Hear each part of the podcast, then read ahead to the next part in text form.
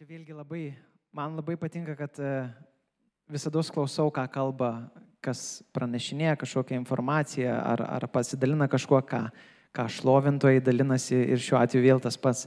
Matau tam tikras sąsajas su tuo, ką Deimantas kalbėjo, ką Raimonda kalbėjo, matau tas sąsajas. Ir jau kuris laikas turėjau mintį apie ką kalbėti. Ir aš galvoju visada, kad tai yra žodis man. Nes, žinot, kartais tu gauni žodį asmeniškai. Nebūtinai visai bažnyčiai. Bet Bet supratau, kuo toliau gilinausi į tą žodį, tuo labiau supratau, kad tai yra skirta ne tik man, bet kaip tik daug labiau bažnyčiai. Ir, ir tai gali skambėti keistai kai kam. Todėl stengsiuosi kalbėti gan aiškiai, lėtai, daug nemaršyruosiu po salę, kad kuo mažiau tas būtų įsiblaškimo. Ir noriu pradėti tiesiog nuo pamatinės tiesos kad mes kaip krikščionys, jeigu esat krikščionys, mūsų pamatas, ant kurio mes gyvenam, ant kurio statom, mūsų tikėjimas stovi ant Biblijos. Petersonas, Jordanas Petersonas, jie pasakė, sako, krikščionys, sako, jie yra e, knygos tikėjimas. Aš sakyčiau, tai ne visiškai teisingai, bet mes statom gyvenimą, statom savo tikėjimą ant Biblijos, ant Biblijui užrašytų tiesų. Jeigu taip nemanot, reikia pasitikrinti. Bet tuo pačiu, tuo pačiu, kada mes statom savo tikėjimą ant Biblijos, tuo pačiu metu mes, jeigu tikim, mes laukiam gyvo Dievo balso. Kitaip tariant, mes laukiam, kol Dievas mums prakalbs asmeniškai. Ir aš nebejoju, kad čia yra begaliai žmonių, ypatingai tie, kurie tiki seniau, kuriems Dievas yra asmeniškai kalbėjęs. Pakelkite ranką, kas, kam yra kalbėję. Apsidairykite tie, kurie netikit. Yra žmonės. Dievas kalba, Biblija yra pagrindas, bet Dievas kalba tą pačią biblinę tiesą, tą tiesą jisai kalba asmeniškai. Jis kalba mums ir kalba per mus. Ir aš darau tokią išvadą, kad būti krikščioniu tai reiškia, yra kažkoks pokalbis, dialogas. Pirmiausiai tai yra dialogas su pačiu Dievu. Tai nėra tiesiog uh, tavo kažkokios doktrinos, mantros, ką tu darai kiekvieną dieną. Ne, tai yra tavo dialogas su pačiu Dievu. Tu kalbi ir tu klausai. Tuo pačiu metu tai yra dialogas su šalia esančiu kitų krikščionių. Tu kalbi, tu klausai, ką tas žmogus sako ir turėtum bent jau klausyti, ką Dievo dvasia tau sako tuo metu. Tai iš visų pusių gaunasi dialogas. Ir toks yra fancy, kaip sakau, žodis e, Biblijoje pranašystėje. Ir faktas, kad mes išgirdę tą žodį, kai kurie e, gerai jaučiasi, kai kurie prastai, bet iš esmės aš pasakysiu labai paprastai. Pranašysė tai yra Dievo balsas į tam tikrą situaciją žmogui arba žmonių grupiai. Tiesiog labai paprastai, mes net nesigilinsim į kažkokius didelius dalykus. Tiesiog labai paprastai, Dievas kalba, nes yra dialogas ir tai, kai jis kalba, mes galim įvardinti pranašystę asmeniškai tau arba kažkam kitam. Gan aišku. Ir faktas, kad kai visada tokį žodį išgirdus pranašystį Dievas kalba, visada bent jau e, trys grupės bus žmonių. Vieni žmonės bus, kurie sako, jas, jas, amen, taip Dievas kalba, aš to taip trokštų, aš taip trokštų pranašystės, aš taip trokštų pranašystės savo gyvenimą, aš taip trokštų pranašystės bažnyčioj, A, Dieve kalbėk. Dieve, ką šiandien tu kalbi? Aš taip noriu. Tai bus viena grupė. Tada yra kita grupė, kurie bus skeptiški. Skeptiški dėl to, kad girdėjau kitokį mokymą.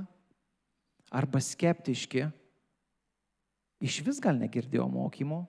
Arba skeptiški dėl to, kad savo gyvenime patyrė tą vadinamą toksiškus reikalus, tą toksišką pranašystę. Kuomet kažkas atėjo ir ten tiek pripranašavo, kad tu nebenori daugiau jokių reikalų su tuo neturėti. Arba tu matei grupę žmonių, kurie sako, kad pranašauja, kad yra įvardinama, kad čia vyksta kažkoks Dievo kalbėjimas, bet tu matai absoliutų chaosą. Ir tu dėl to nenori jokio, jokio reikalo su tuo turėti. Ir tada yra, aišku, treti žmonės, kurie iš vis galvoja, kas ta pranašystė ir ką tu čia kalbė. ir aš noriu kalbėti visiems, visom šitom trim grupėm, visiems mums. Ir kalbėti ne tik iš savęs, bet konkrečiai šiandien pasiruoškit, e, pasimkite Biblijas, jeigu atsinešit. Tiesiog eisim per raštą ir žiūrėsim, ką raštas kalba apie tai. Nes aš tikiu, kad men, men, ateina laikas, kai mes tiesiog, mes privalom girdėti Dievo balsą ir privalom, privalom tą balsą perduoti, tai, ką Jisai sako, perduoti kitam. Pradėkime nuo pat pradžios. Pradžios knygoj. E, pirmas skyrius, antra eilutė. E, žinot, kad, sako, Dievas pradžioj kūrė ir sako, žemė buvo be pavydalų, tuščia, tamsa gaubė gelmes ir Dievo dvasia sklandė virš vandenų. Kaip įdomu, pradėjau gilintis, labai užsikūriau ir pradėjau gilintis e, į vieną žodį - Dievo dvasia. Ir pasižiūrėjau, hebrajų kalboj čia naudojamas žodis yra ruach. Ir jisai reiškia Dievo dvasia, jisai reiškia, gali reikšti vėjas ir gali reikšti kvėpsnis. Tai šiek tiek perfrazuojant šitą vietą galima sakyti Dievo kvėpsnis arba Dievas kvėpavo virš visos gelmės, virš tos nebūties Dievas kvėpavo. Ir kas atsitinka, kaip Dievas kvėpuoja ir Dievas kalba. Iš nebūties atsiranda būtis.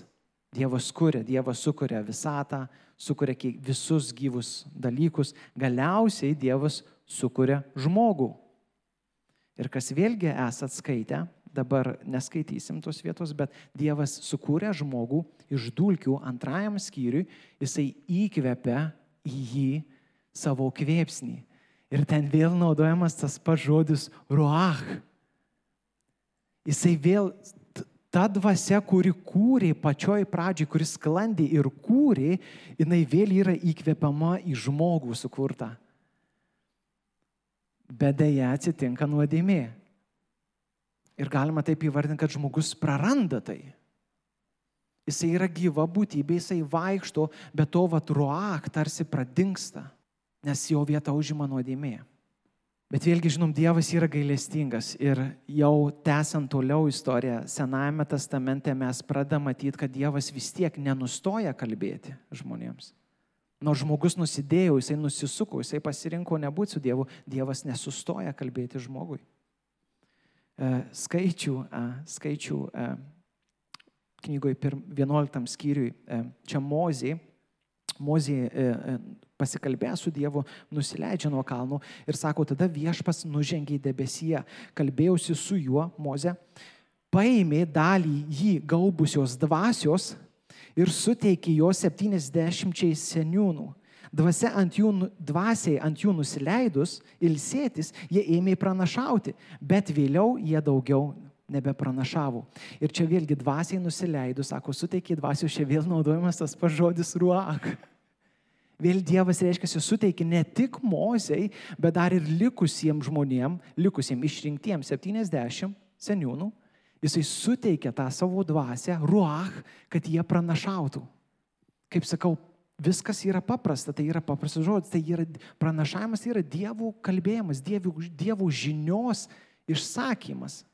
Ir čia žiauriai įdomu tai, kad dar toliau 29 eilutė, jeigu skaitytume, ar nežinau, ar mes ją turim, bet aš paskaitysiu, sako, bet ten įvyko tokia situacija, kad uh, tas tie 70 pranašavo, ant jų nužengė dvasia, ilsėjusi, sako, jie pranašavo, bet kelių žmonių tarp jų nebuvo.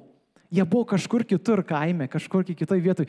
Ir staiga ir jie pradėjo pranašauti. Ir tada toks lengvas hausėlis prasidėjo, atbėga pas Mozę kiti jo, nu, kompanionai, padėjėjai ir sako, žinai, sako, ir tie pranašavo, sako, sudrausmink juos.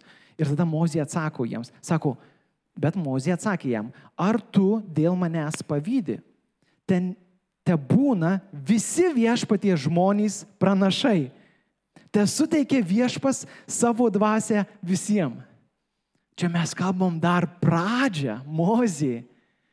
Ir čia vėl ta dvasia, šiandien daug kartų pakartos tą patį dvasia, čia vėl kalba ruach. Sako, te būna suteikta ruach visiems dievų žmonėms. Mes dar Senajame testamente, gais.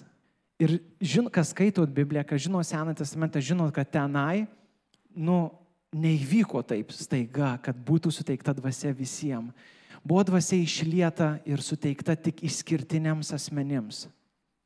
Jie kalbėdavo Dievo valią, jie kalbėdavo Dievo teismą, jie pakeldavo ką reikėdavo pakel karalystės, bet jie kalbėjo, įskirtiniai asmenys tik tais kalbėjo, kurie buvo vadinami pranašais. Tai vyko Senajame testamente. Ir dabar ateinam į Naująją testamentą. Ir Jono Evangelijoje, vėlgi tikriausiai neturim tos jautys, bet Jono Evangelijoje paskaitykit labai gražiai, Jonas pradeda savo tekstą pirmam skyriui. Sako, žodis tapo kūnu gyvasis Dievo žodis tapo kūnu ir jis kalba apie Kristų. Kristus tapo gyva pranašystė. Visas Senasis testamentas, visi pranašai daugiau mažiau perkeltinė ir tiesioginė prasme pranašavo apie Kristų. Nes ko reikia žmonėm? Žmonėm reikia išgelbėjimo. Jie atsiskyrė nuo Dievo, žmonėms reikia išgelbėjimo. Ir nesvarbu, kaip skambėtų pranašystė, galbūt skamba, kad tiesiog į šiandienos problemą, bet iš esmės šaknis pranašystėje Sename testamente buvo apreikšti išgelbėtoje. Ir tas išgelbėtojas, ta pranašystė tampa gyva Kristuje. Kristus gyvena su mokiniais, moko, mes šiandien skaitom, tada jis numiršta už žmonės, numiršta už jų nuodėmės. Prisikelia ir prisikėlęs, susitikęs mokinius, Jono 20, 22. Sako, tai pasakęs, prieš tai Jėzus kalbėjo jiems, tai pasakęs, jis kvėpė į juos ir tarė, priimkite šventąją dvasę. Ir čia vėlgi, čia jau kita kalba, ne hebrajų kalba, bet čia vėlgi aš pasižiūrėjau skirtingus tuos vertimus ir sulyginau. Čia vėl kalba ruach Priimkit tą pačią ruach, kuri buvo pačioj pradžioje, kai dar nieko nebuvo sukurta, kuri kūrė, kuri buvo įkvėpta į žmogų, kurią žmogus prarado, kurią aš daviau savo pranašams. Priimkit tą pačią ruach savo mokiniams. Ir tada, nu, ne, žinom vėlgi, kas skaito raštą, žinom, kad iš karto, nu, neįvyksta kažkas. Bėga laikas. Ir tada mes ateinam į apaštalų darbus. Tai, ką pažadėjo Kristus, taip, kas buvo kalbama per pranašus, įvyksta. Apaštalų darbuose antram skyriui šventoji dvasia išliejama yra. Žmonės susirinkę, garbinti, šlovinti, melstis, ant jų išliejama šventoji dvasia. Ir tada tie žmonės vyksta keisti dalykai, jie pradeda kalbėti kitom kalbom. Kai kuriuose vietose skaičiau, e, kad sako, jie pradeda pranašauti.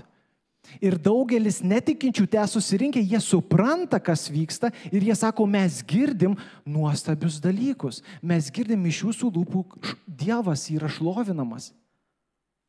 Ir čia vėlgi, sako, vėl ta pati ruach, nužengiant tų žmonių. Man tai yra nerealu.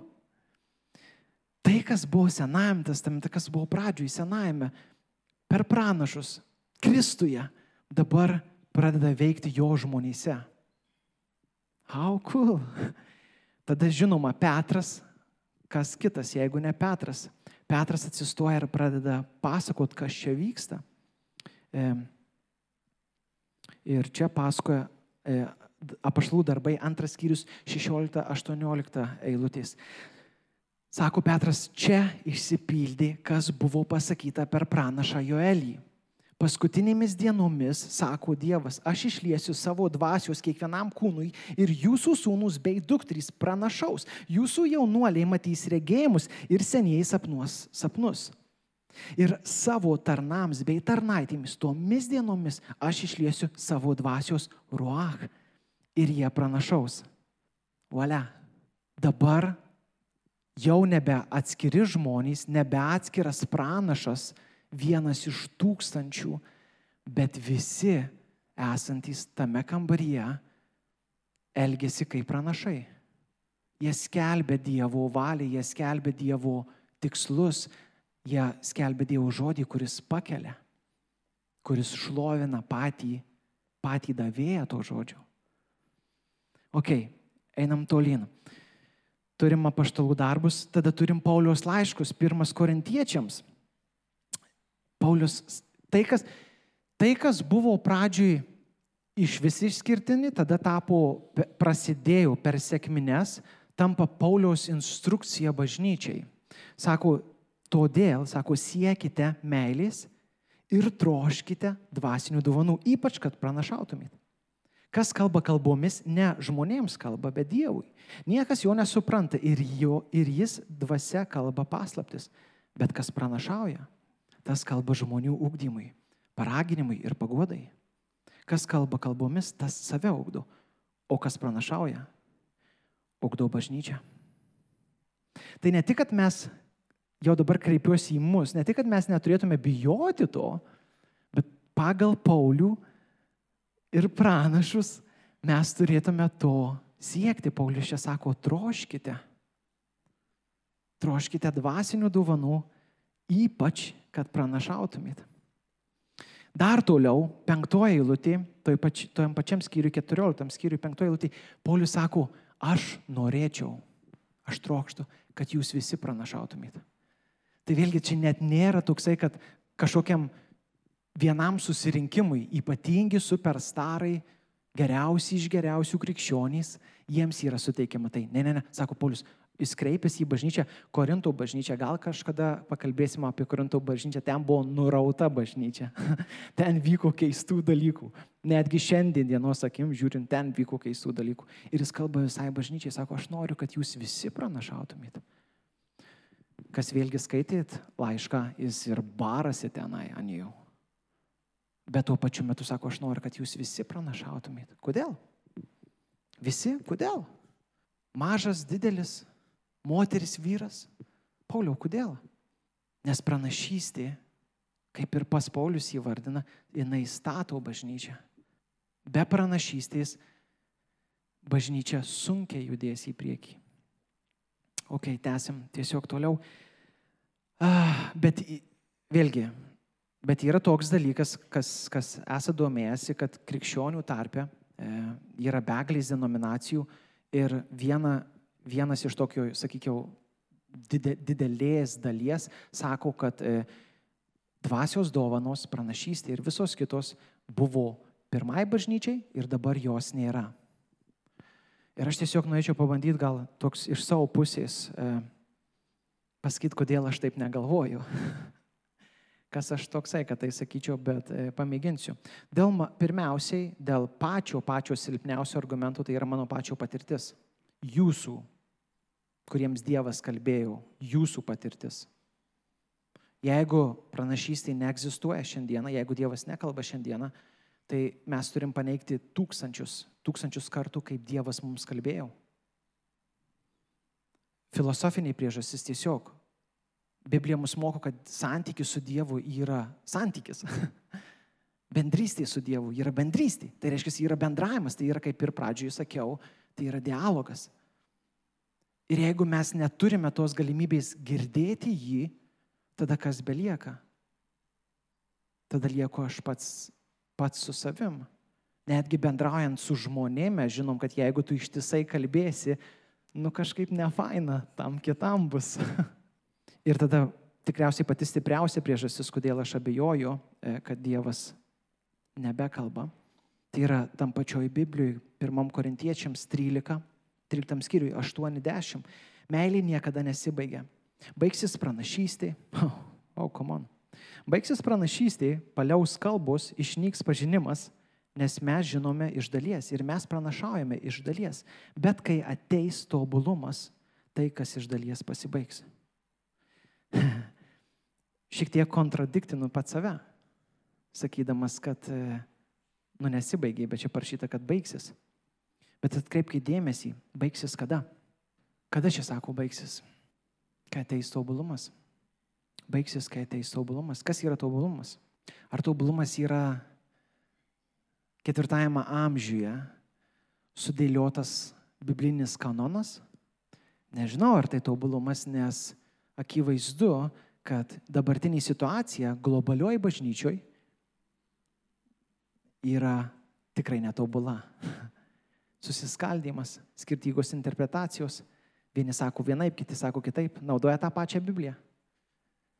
Man atrodo, kad čia dar nėra tobulumo. Ir žinoma, nereikia daug ieškoti Paulius tam pačiam laiške, tam pačiam skyriui, 12 eilutė sako, dabar mes regime lyg veidrodyje, miglotai, bet tada veidas į veidą. Dabar žinau iš dalies, bet tada pažinsiu, kaip aš pats esu pažintas. Ir man atrodo, kad Paulius čia kalba apie Kristų. Visako esmė. Paulius sako, va tada, kai ateis tobulumas, kai ateis Kristus, kai jisai apsireikš pilnai šio žemė, sako, sugrįž, va tada bus tobulumas. Tada nebereikės pranašystės faktas, nes visos pranašystės kalba apie išgelbėtoją patį Kristų. O jis jau čia stovi, todėl pranašyšių nebereikia. Tai vėlgi grįžtam prie to paties paraginimo, ką aš darau savo išvadą ir grįžtu prie to paties paraginimo, ką Paulius sako, kad bažnyčiai mums reikalinga pranašystė. Tai kodėl mes jos neturim? Arba kodėl tiek mažai mes ją praktikuojam? Ir aš sakyčiau, kelios priežastys. Pirmiausiai, kad mes net neteisingai įsivaizduojam, kas tai yra pranašystė. Ta žodis pranašystė iš karto toks apgaubtas mistika. Pranašystė reiškia, nu kažkas, kažkas turi mistiško įvykti, kažkoks balsas turi pasigirsti iš dangaus, kaip griaustinis. Ir tada tu gauni deimantai žodį dariui. Ir tik tada tu jį perduodi. Jų, kažkaip juoką net sukelia jo. Ir aš matau, kad irgi iš to pačio rašto, kad Dievas, taip, Dievas rašte kalbėjo garsiai. Buvo momentų, kur kalbėjo labai garsiai. Bet dažną kartą Dievas kalba tyliai. Ir tai atrodo tiesiog kaip tavo mintis, paprasta mintis iš visų tūkstančių minčių, kurie atėjo į tavo, į tavo galvą, vaizdas galbūt atėjo į, gal, į tavo galvą, mintį. Ir vienintelis skirtumas nuo visų kitų tūkstančių vaizdų ir minčių yra tai, kad kažkur tu jauti viduje, kad tas šaknis tos minties ar to vaizdo yra ne iš tavęs. Nu čia labai sudėtinga. ok, tęsim toliau. Tas tylus balsas, kodėl Dieve tu kalbi tyliai? Ir aš matau priežastį imtimumas. Dievas nori imtimumo su jumis. Tie, kas esat vedę, jūs žinot, kad tas imtimumas yra ne tada, kai tu šauki nuo per langą kur tu ateik čia, myliu tave, klausyk dabar. Ne, intimumas kur yra? Ten, kur jūs esate dviese, ten, kur kažkur chaosas, bet to, toj ramybė, jūsų, jūsų ramybė, jūs šnipždat vienas kitam. Meiliai žodžius, ar kokie jie bebūtų. Tenai yra intimumas. Ir aš tikiu, kad Dievas taip pat siekia to intimumo, jis nori tos santykios su mumis. Tiesiog. Ir toks paprastas, kaip eksperimentą galim padaryti. Jeigu nebijot, užsimerkit. Visi tiesiog užsimerkit. Kieno balsą dabar girdit? Iš kur žinot? Iš kur žinot, kad mano? Nes pažįstat mane. Aš ir girdėjau kalbant, bet aš manau, kad jūs mane netaip gerai pažįstat ir ne tiek laiko praleidau su manim, kiek jūs turėtumėt praleisti su Kristumi. Tai jeigu mano balsą praleidę vos, vos, sakykime, galima suskaičiuoti net valandom, jeigu atpažįstat mano balsą, turėtumai dar labiau atpažinti Kristaus balsą, su kuriuo gyvenat 24 valandas. Kas vis dar užsimerkia, galite atsimerkti. Bet vėlgi, tie, kas esate seniau krikščioniai, žinot, kad kalba Mantvydas, čia jo gera teorija, viskas tvarkoj, praktiškai yra visai kitaip. Kaip tą balsą girdėti, kaip jį pažinti. Ir aš pasakysiu taip, pažinti Dievo balsą, girdėti, ką Jis kalba tau ir kitam per tave, be rizikos, sufeilint, praktiškai neįmanoma. Tiesiog be praktikos kuri turės ir nepavykusių akimirkų. Pažinti to balso neįmanoma. Ir iš tikrųjų, vėlgi, tiek aš, tiek tie, kas esat tai bandę daryti, žinot, kad tie feilai, nu jie tokie, nu nesmagus tikrai. Kai tu ateini ir sakai, atsiprašau, e, man atrodo, kad man čia Dievas kalba ir, ir, ir, ir jisai sako jums tai ir tai. Ir tas žmogus atsiskys, to sako, ne, aš nieko, čia man nieko nekalba. Ai, atsiprašau. Ir tikrai buvot. Tikrai tie, kas praktikuojat, jūs buvo tose vietose. Ir tas apsikvailinimas, jis atrodo taip žaidžia. Bet be apsikvailinimo, be klaidų mes neišmoksim pažinti to balso. Ir aš galvoju, va ta baimė, ypatingai tie, kurie patyrė tas klaidas, ta baimė, jinai suparaližiuoja tarsi tave. Ir tu nebenori nieko bendro su tuo turėti, tu nenori apsikvailinti. Tada galiausiai ir ta malda, ir apskritai pats krikščionių gyvenimas tampa toks pakankamai statiškas ir, sakyčiau, kalbi daugiausiai tu. Ir tu kalbėdamas, ir jeigu jūs esate tokie kaip aš, tu iš savo jėgų bandai išspręsti problemas, kurios tiesiog negali būti išspręstos tavo jėgom. Tu bandai savo supratimu padaryti tai, ką gali padaryti tik Dievas. Tu bandai duoti patarimą kažkam savo supratimu, kur tau reikia apreiškimo apie tą situaciją iš Dievo. Ir vėlgi, jeigu esat praktikavę, tai kartais tie patarimai nekokie būna. Ir aš taip įsivardinau, kad pranašystė iš esmės, tas tylus balsas, tas Dievo kalbėjimas tau per tave yra iš tiesų kvietimas į santykį su pačiu juo. Kaip sakau, dialogas. Jisai kviečia tave praleisti laiką su juo. Jisai kviečia tave išsakyti savo širdies poziciją, savo mintis bet tuo pačiu metu jisai tave kviečia ir išklausyti. Išklausyti, ką jis kalba tau. Ir pranašystė, kodėl vėlgi grįžtam prie bažnyčios, kodėl pranašystė yra tokia svarbi bažnyčioj. Su visom klaidom. Tam pačiam korintiečiam laiške. Sako 14 skyriui, 24 eilutė. 25, 24, 25 sako, bet jeigu visi pranašautų ir įeitų netikintis ar neišmanantis, jis būtų visų apkaltintas ir visų atpažintas, jo širdies paslaptys būtų atskleistos ir jis puolęs veidų žemyn pagarbintų Dievą ir išpažintų Dievas iš tiesų yra tarp jūsų. Prisiminkit, prieš tai buvo eilutės korintiečiams laiške, šiek tiek prieš tai sako, kad kam pranašystė yra skirta ugdyti bažnyčiai. Ugdyti bažnyčiai, pakelti bažnyčiai, pastiprinti bažnyčiai.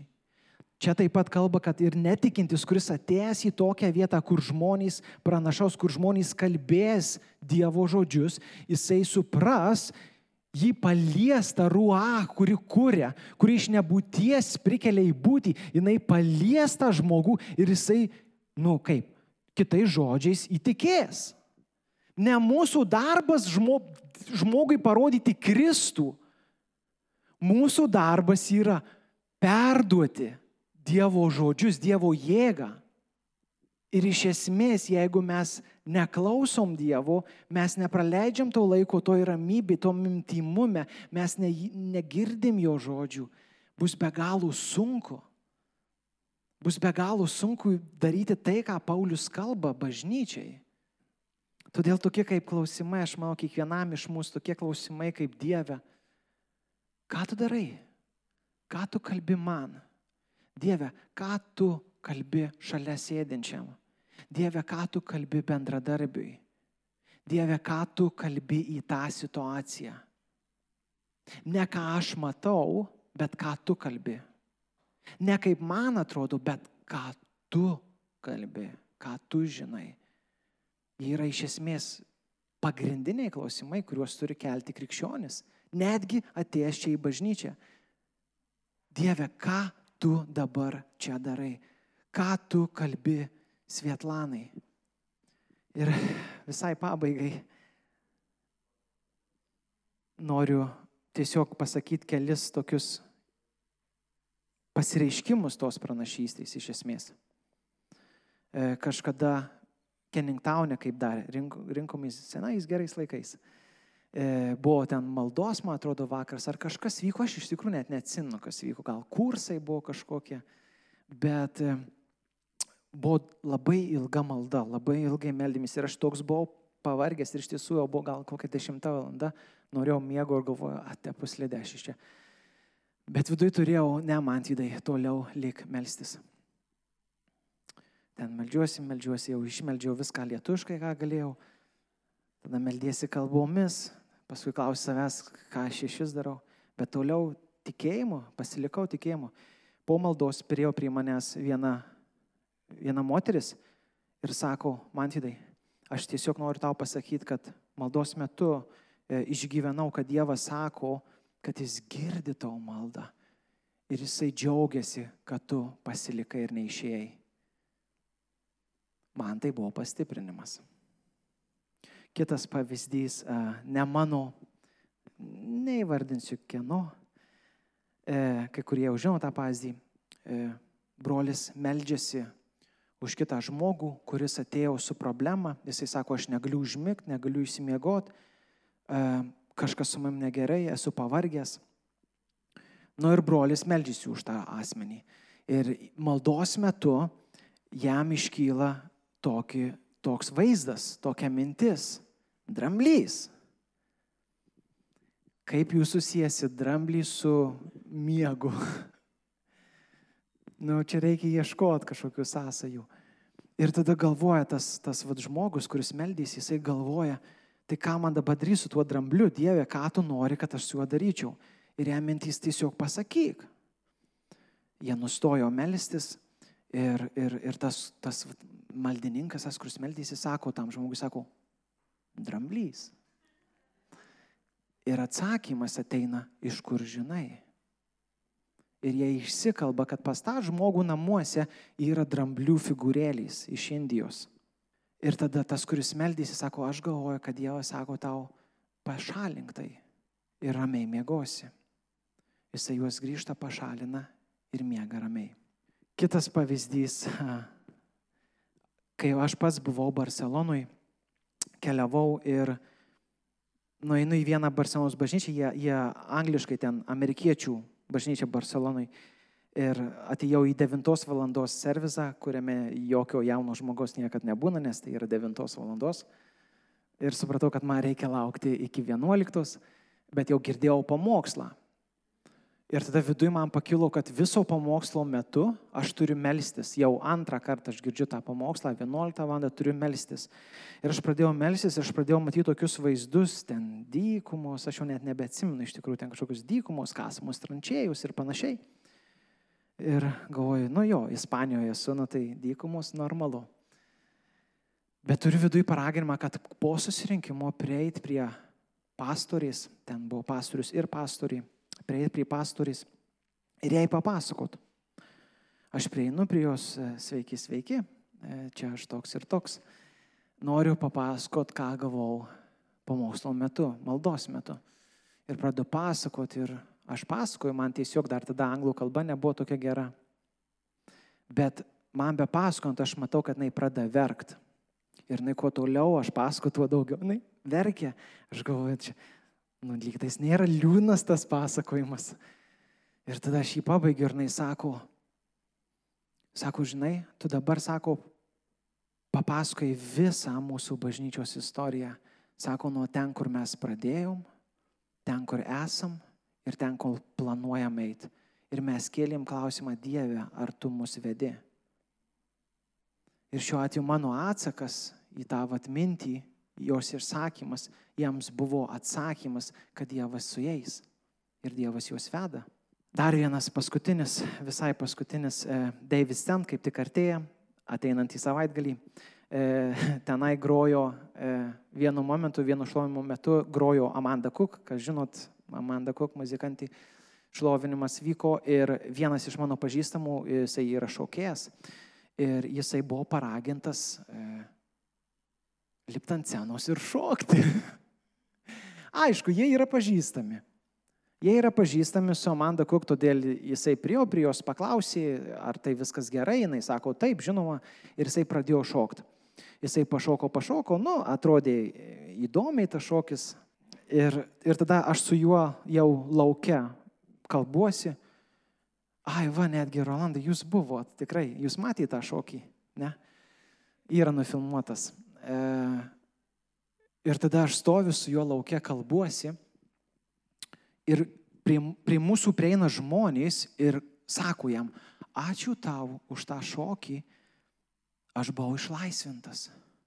Kitas žmogus prieina, ačiū tau už tą šokį, man dingo gėda.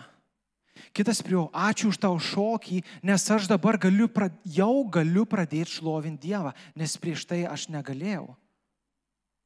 Šokis? Really?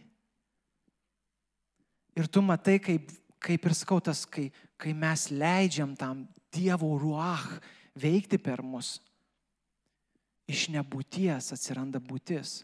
Žmonės yra išlaisvinami, žmonės yra statydami, paguodžiami, grandiniai skrenta, gėdamės tą giesmę, grandiniai skrenta. Ir mūsų dalis yra ta, dalyvauti tame bažnyčios ugdyme, patarnauti vienas kitam. Ar bus klaidų? Bus. Tikrai bus. Ir visai pabaigai. Tokį esu girdėjęs pamokslininkų pasakymą, sako, Jisai irgi tikriausiai gavo tokios, sakyčiau, vizijos, kaip tarsi metu. Sako, bažnyčia tai yra kaip vaikų darželis. Kas dirbat vaikų darželį? Arba kas esat buvęs vaikų darželį? O, maidais. O ten tai geras hausėlis. Aš esu kelis kartus buvęs, tai maidais. Ten rėkia tie vaikai. Kas turi daugiau vaikų namuose, tikriausiai vaikų darželis ten jau privatus. Bet jie rėkia ir ten tų problemų visokiausių pas juos, kur iš tikrųjų ten nėra ta problema, bet tuo pačiu metu ten vyksta gyvenimas, ten jie auga, ten jie vienas su kitu bendrauja, dalinasi emocijom, pastumia viens kitą ir tada pakelia. Ir, tuo, ir kaip be atrodytų, kad tai yra chaosas, darželis be auklėtojų nebūtų darželis. Ten yra tam tikra tvarka, ten yra tam tikra priežiūra. Ir aš manau, kad labai geras vaizdas yra bažnyčios, kuris seka Dievo dvasia kaip vaikų darželių, kur mes augam, darom klaidas, bendrauja vienas su kitu, atleidžiam vienas kitam už nesamoningą žodį, prašovimą pro šoną atleidžiam už įžeidimą, nusišypsom ir vėl einam kartu, susikabinę už rankų. Ir visiškai priešingas vaizdas, visiškai priešingas vaizdas, kur yra tobula, tobula, tobula tvarka, yra kapinės. Ten yra tobula tvarka. Ten dažniausiai negroja garsi muzika. Ten yra sutvarkyti tie kapai, Ypatingai mes kaip lietuviai gan gerai tai suprantam. Aš atsimnu močiutį, kai varydom į kapines, tai, uh, va ten yra tvarka. Nelipk, neimk, visa žolytė, viskas nuravėta, sutvarkyta, viskas takučiai, gėlytės, bumt, viskas tobulai. Bet tai yra kapinės. Ir aš manau, kad klausimas yra aiškus. Ar mes norim to mesinės, to, to tokio kontroliuojamo chaosėlio, kuris yra vaikų darželėje? Ar mes norim tobulos tvarkos, kur viskas taip aišku, viskas savo vietose ir tikriausiai net neatsikels iš tų vietų, bet tai bus kapinys. Keliu aš tą klausimą ar pats savo, nes mačiau, kaip pradžiai išvarnau tuos žmonės, kurie ir nori, ir skeptiški, ir nieko nežinau. Buvau visose trijose kategorijose ir mačiau, kaip atrodo mesinės vaikų darželių. Ir nesu tikras, kad esu pasiruošęs tam. Bet jeigu jūs kartu su manim dabar ryštatės rizikuoti ir sakyti Dieve, tebūnie. Taip kaip Paulius mokina, taip kaip kalba tavo žodis, kad tu nori mums kalbėti, nori kalbėti per mus viešpatie. Esu čia.